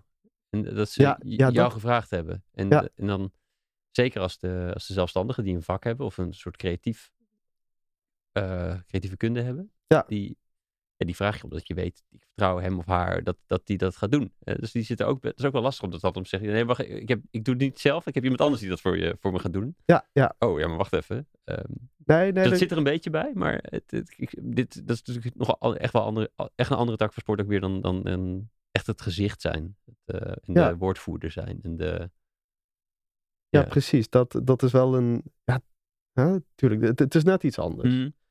En, maar je, eh, het besef dat je, eh, dat, dat, dat het niet om jouw toko gaat, maar dat je in principe dienstverlenend bezig bent richting een milieudoel. Ja dat de stichting altijd belangrijker is dan je eigen, eh, eh, dan je eigen ding. Ja, vraagt eh, een bepaalde nederigheid is. Ja, ja, toch wel, ja. ja. Is dat, en dat, dat, dat had jij al of heb je dat ontwikkeld? Nee, dat heb ik wel ontwikkeld. Ik, ik, ik, word door mijn collega's ook continu. Die, die, die, die, die, die, die, zeggen tegen mij wanneer ik moet demmen. Ja, dus dat is. En, en, dat, dat is heel goed. Ja. Want eh, ja, ik ben iemand die, eh, eh, die heel snel iets wil. Ja, En heel snel iets wil realiseren. En ook in een heel rap tempo eh, iets kan analyseren tot conclusie komt. Hmm. En, en mijn collega's die, die denken dan van, ja Rob, dit speelt zich nu allemaal in jouw hoofd af. Maar misschien denken wij er anders over. En, en die willen heel graag vaak goede processen hebben om beslissingen te nemen, om verdere stappen te zetten. Ja. En, die, eh, en, en daar laat ik me zeker ook door bijsturen. En waarom willen zij dat? Ehm, A, eh, dat ze zelf ook een soort agency hebben. Ja, Dus van dat ze zelf ook eh, wat te zeggen willen hebben over de organisatie. Dat het niet eh, het enkel het speeltje van, eh, van, eh, van mij moet zijn. ja van meneer Buurman. Absoluut. Maar ook, eh, ook het speeltje van hun. Ja. En, ehm, en ook simpelweg, eh, er valt ook gewoon heel veel te zeggen voordat heel veel mensen meer weten. Ja. En ook eh, eh, dat ik ook niet altijd gelijk heb met mijn ideeën. En dat mijn collega's an- op andere dingen komen. En dus het is uiteindelijk iemand anders kan die toko even goed of beter runnen dan ik. En dat is, en, en daar moet ook ruimte voor zijn dat ideeën die andere mensen hebben, dat die ook naar voren kunnen komen. ja. En dat ik op een gegeven moment aan de kant geschoven kan worden, al dan niet vrijwillig. Ja. en dat dat dan goed gaat. Dat, eh, de- dat de spiegeling zou gebeuren, zou wel, zou misschien van, van, eh, van die consumentenorganisatie in Brussel, zou een beetje, zou wel erg zijn, maar dat, dat, dat op een gegeven moment gezegd wordt, ja, sorry, ja, Rob, we moeten echt weg. Die, die zit ons in de weg. Ja, nou, dat zou wel, eh, ja, nou, dat, dat zou wel heel erg interessant zijn als dat zou gebeuren. dat in die paar jaar dat ik daar zat, dat het, een, eh, dat het, dat het heeft afgegeven. Ik zie het niet zo snel gebeuren, maar het, het, beeld trok zich aan. En eh, ehm, ja, want je hebt natuurlijk die token van, van jezelf naar vier, naar acht uitgebreid. In het begin, ja, wat je bedacht kon gaan. Dus dat heeft heel veel autonomie heb je. En, dat, dat, en nu krijg je slagkracht ervoor terug. Maar je verliest iets van die autonomie. Ja. En dat, en dat, dat, eh, dat vraagt een beetje wennen dus. Ja, dat zeker wennen. Ik denk dat ik eh, eh, soms denk ik ook van, nou, het alternatief zou ook zijn dat ik bijvoorbeeld in mijn eentje gewoon een paar goede cases per jaar uitwerk. Ja. En, en ik zou dat prima in mijn eentje ook kunnen doen. En daar goede dingen realiseren. Ja. Maar uiteindelijk de slagkracht dan is heel erg beperkt. En ik denk ook, eh, ik moet ook zeggen, we hebben ook echt een heel mooi team. Ja. Met, eh, met, met, met collega's die dingen doen die ik niet kan. Ja. En eh, die hele mooie projecten draaien. op manieren dat ik denk van, wat, wat, wat, wat fijn dat jij die skills hebt, Ja. want ik heb ze niet. Nee, nee, nee. En, en, en dat is ook heel erg leuk en heel erg mooi om te zien. En ja, natuurlijk, ik probeer, ik probeer zoveel te leren. Want ik heb veel kennis over politiek, over media, over. eh, kan, ook wel, kan ook wel behoorlijk schrijven. En, eh, en voornamelijk ook kennis over hoe dat systemen werken. En ook hoe dat macht werkt en dat Mhm. soort dingen. Ehm, en ook technische kennis. Maar eh, wat ik ook zie bij, bij mijn collega's, die hebben vaak heel veel kennis juist over hoe je samenwerkt. Ja. Hoe, je, hoe je projecten runt. Hoe je iets eh lulligs als administratie bijhoudt. Wat heel belangrijk Ja. is. Maar wat gewoon niet mijn sterkte is. Nee. Ehm, en eh, dus ik, ik, ik heb altijd e- ook enorm veel bewondering voor, eh, ehm, voor goede projectmanagers. Die echt iets gewoon kunnen coördineren, kunnen beetpakken. En, en, en, en processen beheersen. En ik kan processen heel goed opstarten en laten groeien en exploderen. Maar beheersen is een andere kwestie. Ja, ja, ja. Grappig. Grappig. Ja, mooi. Ja, dus het, het, eh, wat we waar we het begin al hadden over de, de, de, de, eh, de, de, de metaalfabriek van je vader, waarbij het eh, heel rechtlijnig is. Het stappenplan volgen en volg het nou gewoon alsjeblieft. En, en Ja. om vier uur mag je naar huis. Ja. Ehm, bij het, eh, het creatief vak en complexiteit anders wordt, maar ook dus de diversiteit van de groep ook heel belangrijk wordt. Om gewoon meerdere type skills eh, nodig Ja, te dat- hebben en dat- meer point of views te hebben. En, Ja, Ja, daar kijken we ook wel heel erg naar dat als, eh, als we iemand aannemen. Van, eh, ik heb ook wel eens tegenover iemand gezeten tijdens een sollicitatiegesprek. Ik kon er zo goed mee vinden. Kopie van jezelf. Ja. Ja. Ja, die had je al. Ja. Shit. Dus, dus ik dacht ook van, die moet ik niet hebben. Ja. Eh, Die wil ik hebben, maar die moet ik niet nee. hebben. Nee. Nee, nou goed. Zo van, hè, dat had natuurlijk een ego-kwestie kunnen zijn. Hmm. Van, dan kan ik nog een eh, nog zo'n groot ego naast mezelf erbij hebben. Eh, dat, eh, maar ik denk graag dat het, dat het inzicht was dat we andere mensen nodig hadden. ja, dat is toch wel een beetje het fijne van je eigen toko hebben. Dat je, dat, dat, dat je eigen, de eigen reden en het eigen verhaal erbij mag bedenken. Dat, Ja, ja. hey, ehm, dus even terug nog weer naar wat, wat jullie echte werk was, is. Dus los van hè, het bedenken, het beleidstuk bedenken en de, de, de, de, de, de, de, no-brainer, de knop vinden waar je, waar, of de lever waaraan gedraaid moet worden om het, eh, is één. Eh, en vervolgens moeten jullie daar druk op gaan uitoefenen of moeten jullie beweging creëren. Hoe, hoe, hoe, zi- hoe zit dat in elkaar? Hoe werkt dat? Ja, dat is echt een eh, ontzettend complex gebeuren is dat. Er komen heel veel dingen bij kijken. Ja, nee, ik, ik ga het niet daarbij laten. Ja, punt. Ik, Ja. punt, ja. Ja. Ehm, kijk, bijvoorbeeld voor ehm, vier jaar geleden ehm, begon met het idee van we gaan binnen een paar jaar voor elkaar krijgen dat in Nederland staatsgeld op plastic flesjes en blikjes wordt ingevoerd. En ehm, met het besef dat dit soort processen duren vaak best wel lang. En zoals ik eerder had gezegd, van, eh, dat die discussie loopt al tientallen jaren. Ehm, dus je gaat kijken naar wie zijn de stakeholders. Ja. Wie zijn de partijen die allemaal meedraaien. Ja. En je gaat kijken naar hoe staat de politiek er op dit moment voor. Wie staat aan jouw kant? Wie staat aan de overzijde? Ja. En wie zit in het midden? En wat kan je daaraan doen om ervoor te zorgen dat die balans uiteindelijk jouw kant op gaat? Dat jij uiteindelijk degene bent met, hoe zou ik zeggen, de structurele meerderheid. Ja. En daarvoor moet je plannen opzetten om die partijen te overtuigen. En dat is echt heel iets anders dan een uh, factsheetje met vijf argumenten op een rijtje zetten. Van waarvan je denkt, dit is, een, uh, dit is goed. Maar je moet een context creëren Mhm. waarin die partijen eigenlijk, als het ware, het toch wel met jou eens gaan zijn. En, Het, het moet ook aantrekkelijk zijn om het met je eens te zijn. Het moet beter worden voor hun om het met je eens te zijn. Of, of onaantrekkelijk om het met ons oneens ja, te zijn. Ja, oké. Ja, ja. Nee, zeker. Ja, tuurlijk. En um, we hebben toen uh, grofweg, echt heel grofweg, over twee lijnen strategieën uitgezet. En dat de eerste, een van de conclusies was dat we praktisch heel Nederland achter ons hadden. Dat bijna iedereen het met ons eens was. Er waren al wel wat enquêtes geweest, 80% van de mensen iedere keer pro-invoering staatsgeld op plastic flesjes en blikjes. Alleen een aantal grote bedrijven waren voornamelijk tegen. Ja. En die hebben gewoon hun lobby in Den Haag heel goed op orde.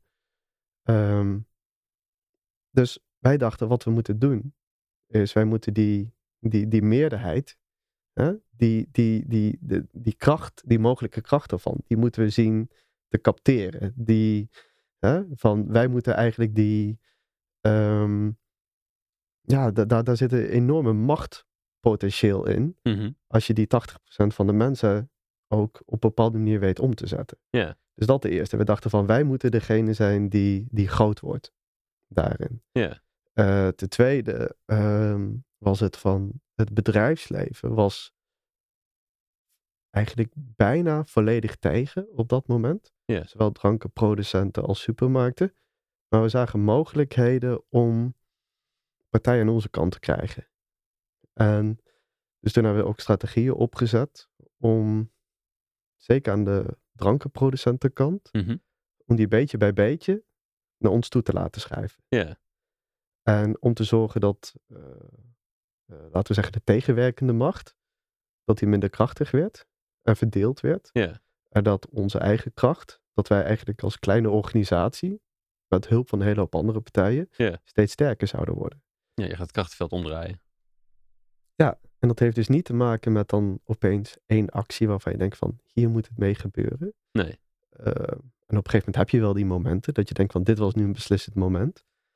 Eh, maar je zit echt aan de, eerst, in eerste instantie de grotere lijnen te denken. Ja. Dat je denkt van, het krachtenveld moet gaan veranderen. Ja, dus dat is, wordt een soort van ehm, keurmerk voor je acties. Of je, hoe zeg je dat? Een, een, een, ehm, daarmee check je, soort check of je, we hebben nu acties zitten te bedenken, helpen die hierin mee? Dit wordt, dit wordt de lijn of zo. Ja, ja, absoluut. Ja, absoluut. En dan ook, ehm, maar goed, dit zijn de hele grote lijnen. Ja. En, die, en, en je, de acties die je doet, die toets je continu. Ja, dat is het. aan de huidige situatie. En die situatie, die is, die is altijd dynamisch. Ja. Ik geloof heel erg ook in het idee, beter te half gekeerd dan te hele gedwaald. Ja. Eh, zo, ja, ik eh, was op het punt gestaan om een, eh, enorm, met een enorme Coca-Cola kersttruc eh, naar eh, Coca-Cola te rijden. En daar allemaal lege blikjes en flesjes uit het zwerfafval bij hun op, de, Ja. op het terrein te dumpen. Ja. En dat was een paar jaar geleden, was dat in België. En hebben op het allerlaatste moment besloten om dat niet te doen. Omdat het, A, het was heel duur. Maar B ook, eh, ja, nee, het kost veel. Ja. Maar ja. uiteindelijk, het Ja, was maar- ook, het was ook eh, hoeveel hadden we? We hadden misschien 1500 flesjes en blikjes of iets dergelijks. Nou, als je een hele grote truc hebt, dan, dan vul je ongeveer 1 kubieke meter op van, de, van eh, weet ik veel, 100 of...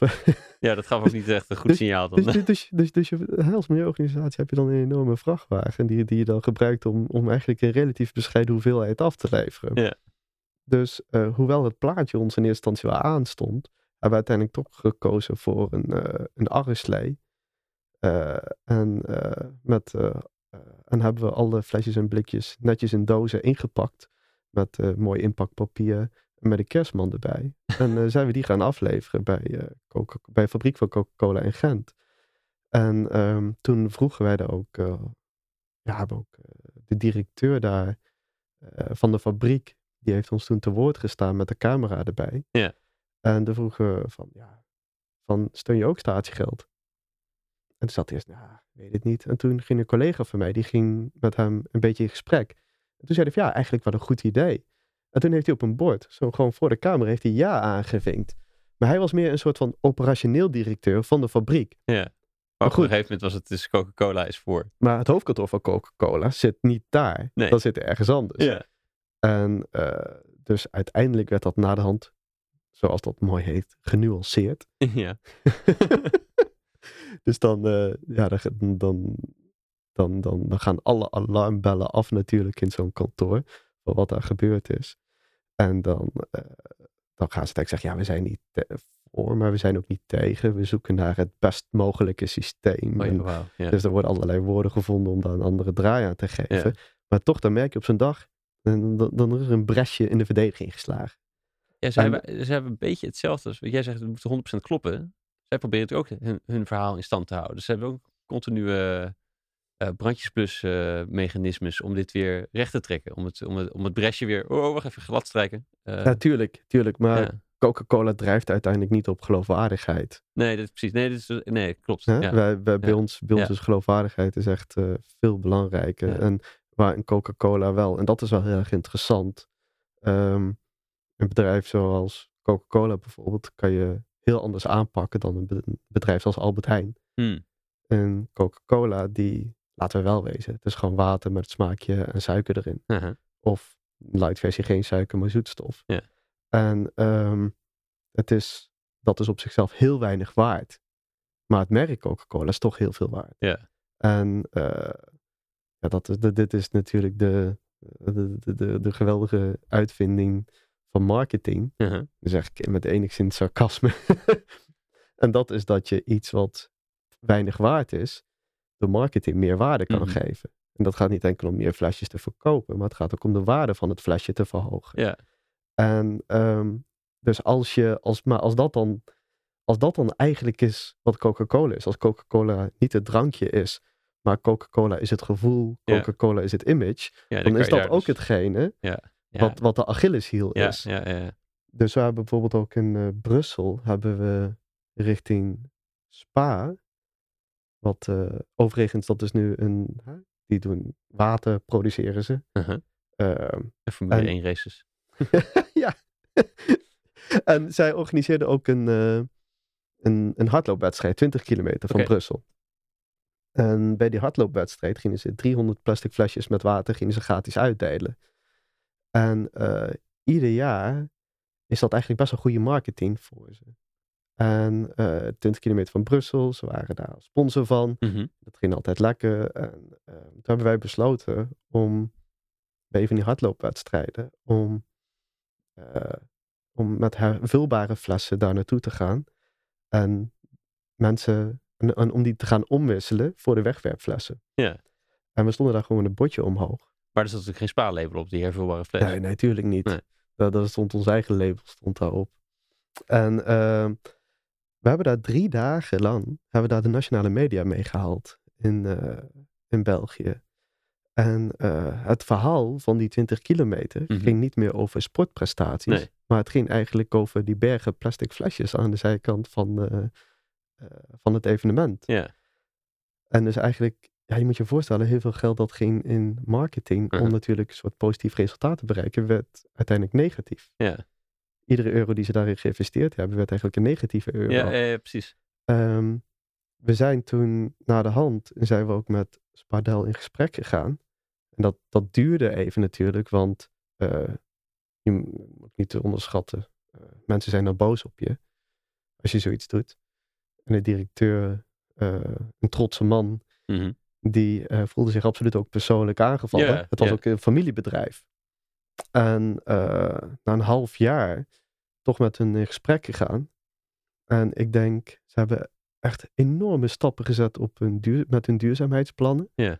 Eh, ze hebben duurzaamheidsplannen zoals geen enkele andere drankenproducent. En hoe is, dat, hoe is dat omgeslagen dan? Want de, je, je zat, ze zagen, nou, ze zat een beetje het harnas. Want ze vond het eigenlijk helemaal niet leuk. Eh, maar ze hebben toch nu hele mooie dingen gedaan. Ja, toch een paar mensen daar die echt, eh, echt hun best hebben gedaan Hmm. intern in de organisatie. Die, die dachten van, we gaan toch in gesprek. We gaan Ja. toch met ze, eh, met ze om de tafel zitten. Is dat, is dat trots geweest voor hun bedrijf? Van we willen toch wel aan de goede kant staan? Of wat, wat gebeurde daar intern, denk je? Er zat een duurzaamheidsmanager die echt wel wat wilde. Ja. En er kwam ook een nieuwe iemand erbij op, eh, op eh, hoe noemen ze dat? Corporate Affairs. Ja. En die, eh, ehm, ja, die zag ook wel in dat het ook voor het belang van het bedrijf was om, ehm, om verdere stappen richting duurzaamheid te zetten. Ja. En dat je ook het, eh, dat ondanks dat water natuurlijk niet slechter is dan, eh, dan cola, dat het ook voor, zeker natuurlijk in, eh, hier in Nederland nog veel meer, nadruk ligt op dat water in flessen eigenlijk flauwekul is. Ja. En ik vind dat Spardel echt daar hele mooie stappen in gezet heeft om, om, om duurzamer te worden. Terwijl ik nog steeds denk dat water in flessen flauwekul is. Maar ehm, ik, ik vind wel dat zij daar als bedrijf eh, eh, ten opzichte van een hele hoop andere bedrijven echt, echt eh, vooruitstrevend nu zijn geworden. En dat vind ik interessant om te zien, dat Ja, dat, ja. dat, dat kan gebeuren. En dat heeft te maken met, met de mensen ook in de organisatie die niet alleen zich aangevallen op een gegeven moment voelen. Maar die ook denken van in het belang van het bedrijf is het goed dat we verdere stappen zetten. Ja, ja. En, en nou, dus, dus wat je al zei, wordt het gezicht ervan. Dus niet alleen dat je, ehm, dus, dus, dat je, dat je vervlocht raakt in een organisatie, maar het wordt ook wat spannender als het op het moment dat de media aangaat en dat je onder vuur kan komen te liggen en dat, het, dat je tegengas krijgt. Uit, nou, dus hoe ga, ga jij of, of hoe gaan jullie daarmee om? Eh, om zelf, ehm, nou ja, eh, nog steeds constructief te blijven, slim, slim en, en, en, en eh, te blijven, maar ook niet te, te onder te gaan aan de stress van, oh kut, ze zitten, ze zitten achter me aan. Eh, Ja, Hoe doen jullie dat? ja, eh, ja je, moet, je moet intern in je organisatie moet je gewoon echt grenzeloos vertrouwen in elkaar hebben. Dus dat is echt super belangrijk. Hmm. Dat, eh, ehm, dat je met elkaar, dat je elkaar scherp houdt en dat je weet waarvoor je het doet met elkaar. Zodat je, ehm, dat je de externe druk die erbij komt, dat je, dat, dat je die dan goed aan kan. Want dan, hè, dan, dan, dan, dan voelt dat echt heel erg anders. Want je hebt er goed over nagedacht. Je weet waar je mee bezig bent. Je hebt het afgetoetst. En je hebt collega's die je steunen. En als dat goed voor elkaar is, dan kan je ook in die hoge drukpan die ook de media is, de politiek is, de grote bedrijven zijn, dan kan je daar dan ook makkelijker in opereren. Hmm. En eh, Je hebt natuurlijk ook dat die 80% van de, van de bevolking waarvan je denkt, ja, die willen dat ook. Dus er staan wel mensen achter me. Ja, Eh. ja, nou dat is, eh, ja, het is, het, is, het is heel handig om de popular vote te hebben. En sorry, en? Eh, het is heel handig. De ja, de- popular vote, ja, sorry. Ja, om. De, de, dat, de, dat, de, dat de mening van de burger aan jouw kant staat. Dat is absoluut heel handig. En ik weet ook, kijk, ik ben jaloers op de marketingbudgetten die een Coca-Cola heeft. Eh, Coca-Cola is jaloers op, de, op, eh, op het gemak waarmee eh, wij eigenlijk, het, noem het maar even de stem van het volk, dan achter ons hebben. Ja, Geldt trouwens niet altijd voor, voor milieuonderwerpen. Nee, dus dat is ook wel, als je bijvoorbeeld kijkt, de stikstofdiscussie. Mhm. zeker in het, in het begin, toen ook de boeren net begonnen te demonstreren. Ja. Eh, ja, had je als milieu, hadden de milieuorganisaties niet echt eh, de, de stem van het volk achter nee, zich. precies. Toen, eh, toen was het wel heel erg. eh, Onze arme boeren. ja, dat, nou, dat, dat is door eigenlijk te veel acties vanuit de boeren hebben ze zichzelf daarmee Ja, maar dan zie je dus hoe dun het inderdaad is. Dat het eh, de Achilleshiel van het, om, om, dat het imago toch best wel belangrijk is. Dat is super belangrijk. Dat is super belangrijk. En dat is ook gewoon voor jezelf. Hè? Dus dat bepaalt ook van hoeveel druk dat je zelf ervaart. Ja. Maar ook wat je uiteindelijk gedaan kan krijgen. Want heel veel wat wij gedaan willen krijgen, dat hangt ook vast. Of hangt samen met wat de politiek moet gebeuren. Ja. En de politiek, die kijkt ook heel erg naar van wat gebeurt er in de samenleving. En eh, dus... eh, Maar dat is minder die- denk ik dan eh, op enquête niveau. Of zeg maar, dus 80% vindt het oké. Maar zolang er geen druk uitkomt, die 80%, hoeven we niks. Het, is wel als er op, een gegeven moment als de druk aangedraaid wordt, dat er dan opeens heel snel iets moet gebeuren. Ja, dat is heel grappig, ja, want er zijn tientallen enquêtes geweest waar Ja. iedere keer uit blijkt dat 80% van de mensen voorstander was voor statiegeld. De ene keer 77%, de andere keer 82%. Ja, same. Maar het komt iedere keer op hetzelfde neer. Ja. En toch werd het iedere keer niet gedaan. Mhm. En allerlei milieuanalyses wezen uit dat het goed was. Ja, En ook dat de totale maatschappelijke kost eerder omlaag zou gaan dan omhoog. ja, Maar goed, ehm, er zijn een paar bedrijven die gewoon een goede lobby hebben. En er moeten deals gesloten worden in een coalitie in de regering. ja. En eh, eh, het is vaak makkelijker om de status quo te behouden Mm. dan om verandering ja te realiseren. Mhm. En dan kunnen heel veel partijen wel ergens positief tegenover staan. Maar op het moment dat jij als politieke partij iets wil realiseren, dan en de andere politieke partij denkt dan, ah, ik zie het niet zo zitten, dan wil die daar iets voor terugzien. Ja. Dus wat ga je teruggeven precies? Wat gaat het dan zijn? Ja. En dan zie je met zo'n onderwerp als dat van mij, zoals bijvoorbeeld eh, statiegeld, Mhm. dat is altijd inwisselbaar. Dus daar moet je hem ook niet in vergissen. Ja. Van statiegeld kan altijd wisselgeld zijn voor iets anders. Ja. Dus hoe, hè, dan kunnen wij helemaal onze. Dan kunnen we alles perfect uitdenken. We kunnen de context helemaal creëren dat de politiek eigenlijk maar één kant op gaat. En dan nooit vergeten dat het altijd wisselgeld is. Op, de, op de thema's die, die, die nog meer kracht kunnen uitoefenen op, op, de, op het beslis- bes- beslisproces. Ja, en dat hoeft Hmm. niet eens over milieu te gaan. Het kan ook over andere dingen Ja, ja. gaan. Het kan ook over de zorg Ja. gaan. Als, als, hè? Als, als gewoon het algemene gevoel is dat bijvoorbeeld eh, een D66 in de regering al te veel gekregen heeft. Of ze hebben gewoon net iets te vaak hun mond de laatste tijd opengetrokken. Ja. Dan, eh, ja. Dan is het onze beurt weer. Dan het- mogen wij het- iets krijgen. en Ja, het zijn ook maar mensen, joh. ja. Dus die mensen, ja, die zitten ook met elkaar in een, in een ruimte. En het is een kwestie van gunnen. En een kwestie van nemen. Ja. En, en En hoe En gaan jullie daar iedereen- binnen dan? eh, het- ik ben ook nog wel benieuwd hoe je zorgt dat je echt blind op elkaar kan vertrouwen in, in de club, wat je net noemde. Mhm. Maar ook hier dan, hè? want het, is, dus, het wordt langer adem. Het kan zomaar omvervallen. Wat je denkt, dus je denkt, ik ben dichtbij. Nee, toch, je glijdt weer naar beneden het glas in. Ja. Ehm, hoe, Ja, hoe het gaan gaat- jullie daarmee om? Ja, eh, ja je, moet, je moet met teleurstellingen kunnen omgaan. Ja. Nee, maar dat vindt niemand toch leuk? Of ben ik, ben ik de enige Nee. die dat niet leuk vindt? Nee, nee, dat is verschrikkelijk. nou, dat is verschrikkelijk. En ik denk ook, eh, eh, mijn eerste reactie is dan ook altijd als ik eh, teleurstelling te verwerken krijg. En dat is dan heel, heel vaak denk ik dan van, jongens, jullie kunnen dit niet menen. Ja. Dit kunnen jullie nu gewoon niet maken. Ja. Dan, dan, dan, dan komt er een brief vanuit, eh, vanuit de minister. En dan, dan denk ik van, nee, kom op zeg. Maar, en dan de initiële reactie is dan van, we moeten in de overdrive gaan. Ja, Dus zo van, hè, dan krijg je een, een, een soort van escalerende spiraal. Ja. Waar je denkt van, nou, als jullie zo stom zijn, dan gaan wij heftig reageren. Ja.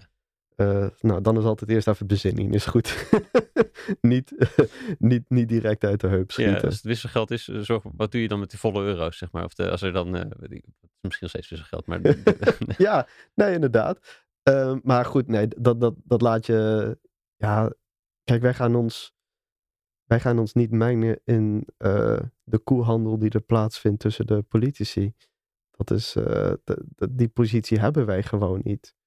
Nee, Zo- je kan dus de, ik ken het spel niet goed genoeg om te weten welke kaart het grootste is. Maar dat je dus zorgt dat je, de, de, dat je niet meer zomaar verraad wordt. Dat- Ja, dat- dus dat je, is- probeert, je probeert de context te creëren dat ze bijna geen andere kant meer op kunnen. Ja, precies. Dus dat het steeds moeilijker wordt om het in te zetten als wisselgeld. Ja, ja. Eh, maar ook gewoon dat eh, partijen echt gemotiveerd zijn om het binnen te halen.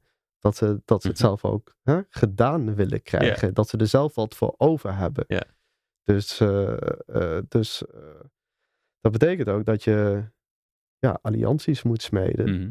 En dat je moet zorgen dat bijvoorbeeld de minister echt op een gegeven moment het gedaan wil hebben. Ja, en dan dat- lukt het een keertje niet. En hoe, hoe- hoe- dus je moet omgaan met die teleurstelling. Ehm, hoe doen jullie dat? Bezinning, zei je? Nou ja, je, je geeft wel feedback erop op dat moment. Mhm.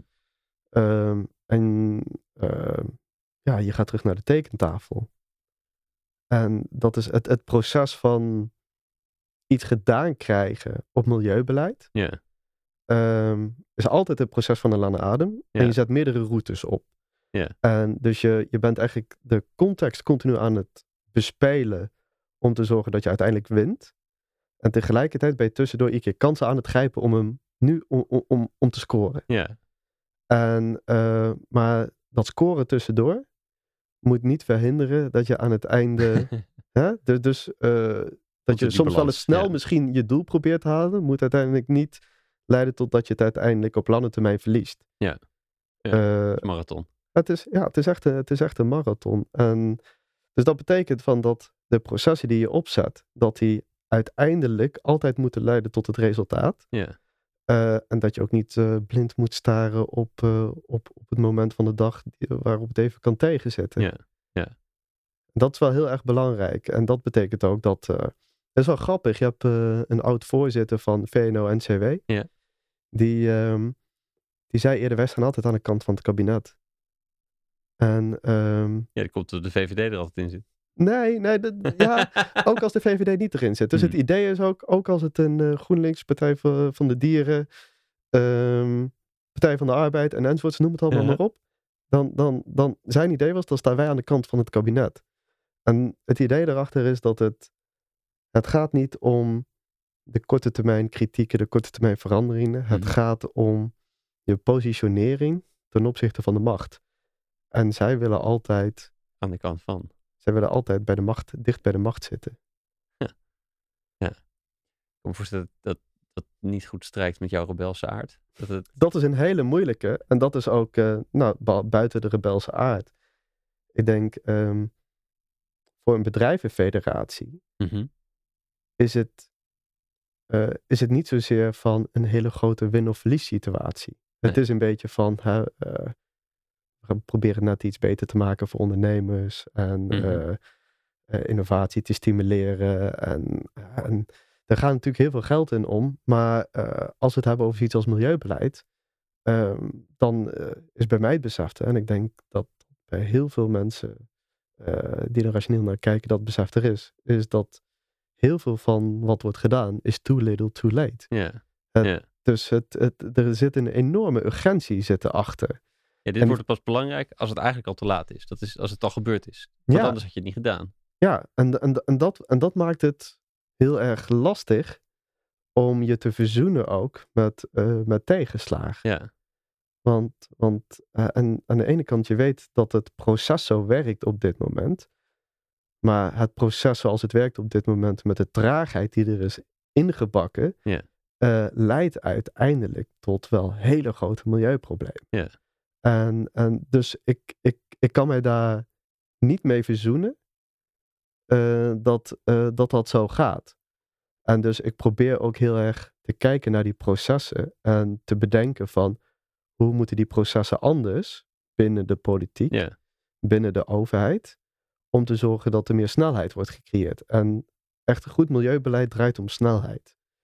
Nou, niet, niet enkel om de punten en de, eh, punten en de commas en Nee. de getalletjes, maar echt de snelheid waarmee verdere stappen worden gezet. En Ja. dat gaat veel te langzaam. ja, dat is moeilijk. Ja, dat is moeilijk. Ja. Want processen gaan per definitie bijna te traag. Nou ja, kijk, ja, kijk maar gewoon naar het klimaatbeleid. Ja. Die dat is container echt, eh, die gaat nog wel even door. het, moet, het, het moet echt heel erg worden, wil Ja. het op een gegeven moment serieus eh, aangepakt worden. En het zijn ook hele, hele complexe problemen.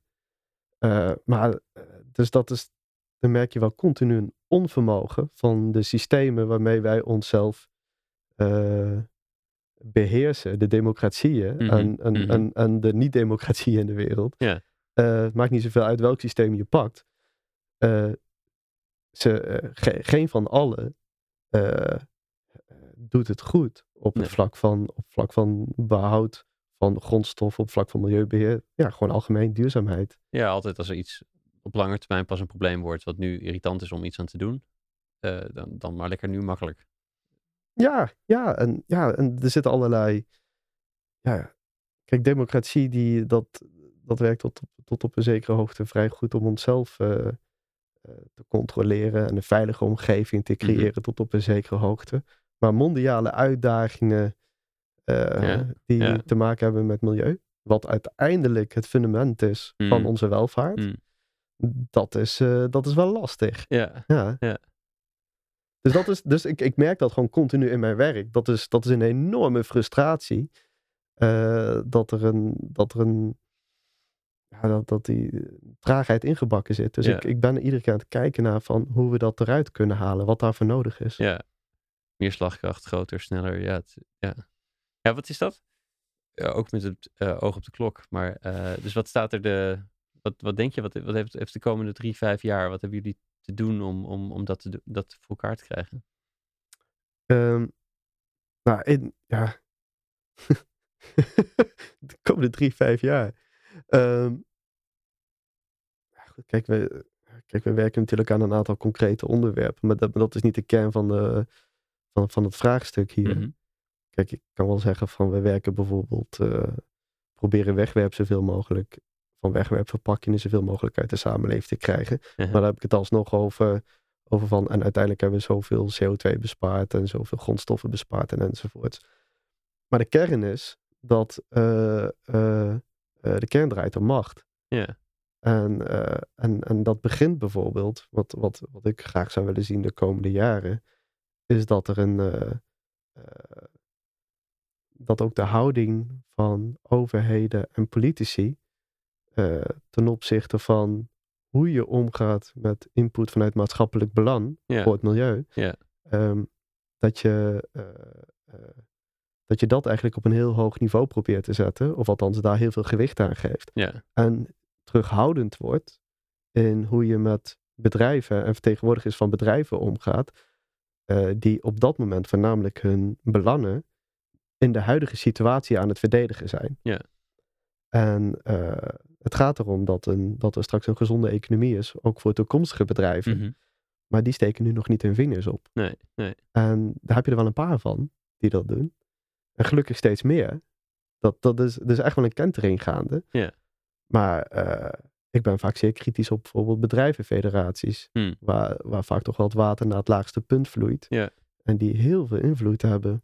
En, dat, en, ik, en ik vind dat daar eh, vanuit de politiek best wel kritisch naar gekeken mag worden. Ja, ja, ja. Wie zijn enkele van de andere helden, inspiratiebronnen voor jou in deze, in deze weg? Ehm, nou ja, het, het, is wel een, eh, het is wel een cliché, maar ik, eh, ik vind Greta Thunberg Ja. vind ik echt wel een inspiratie. Ja, echt. ja, hoe zegt ze dat in het Engels? Speak truth to power. Ja, ja. Zeg de waarheid tegen macht. En, en ongeacht waar ze, in, in welke omgeving ze is, zal ze er geen doekjes om winden. Nee, nee, nee, nee. Ja, En, en ze staat er wel.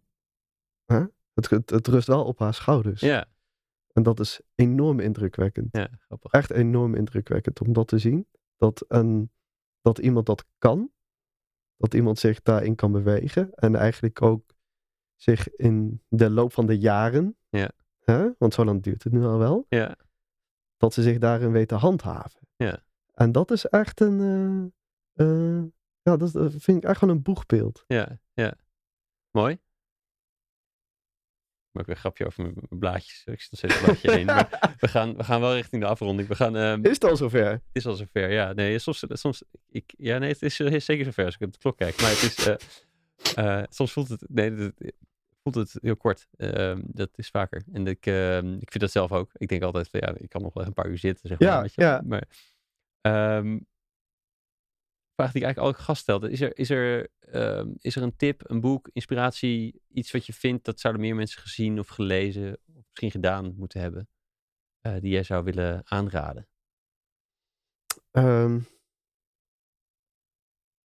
Ja, ik, ik, ik- ja, ik zou er gewoon aanraden wat ik zelf leuk vind. Go for it. Escapisme. Gewoon-? Ja, nee, kijk, wat ik. eh, iets wat ik. eh, om, om, om, voor, voor mij in ieder geval, in mijn situatie. Mhm. Om ook fijn te kunnen doen wat ik doe. Moet ik, moet ik de boel ook gewoon naast me, naast me neer kunnen leggen. Dus ik, eh, ik- ja, ik, ik ga, ik ga, mensen denken altijd van, eh, ik ga de nieuwe documentaire van David Attenborough of iets dergelijks. Die ga ik naar Rob doorsturen, want dan vindt hij vast leuk. Nou, echt niet. Heb je er depressief van? Of je- nou, het, het- ik, ik weet het allemaal al wel. Ja, dat is ook zo. Uh, Ja. dus, dus, dus dat soort dingen hoef niet meer te zien. Dus ik, ik, ik, ik, ik, ik ga ook niet meer al die milieuboeken lezen. En ik ga niet. Dus ik, ik zit er gewoon middenin. Ja. En, en dan ga ik niet nog eens een keer al die eh, alle verschrikkelijke beelden van over de hele wereld te kijken. Die natuurlijk bedoeld zijn om allerlei mensen nog te motiveren. Ja. Om, om ook iets te doen en om het inzichtelijk te maken.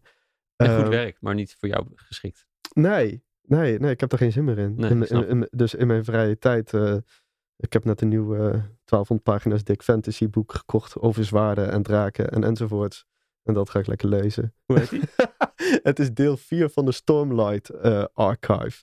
Ik weet, ik weet niet eens meer wat precies de titel is van deze, eh, van dit boek. Maar het is net een soort van, eh, net zoals Game of Thrones, dat waren ook boeken. Ja. Ook allemaal verslonden. ja, ja, ja. Eh, dus, dus kijk, ik heb natuurlijk ook wel interessante boeken gelezen hoor.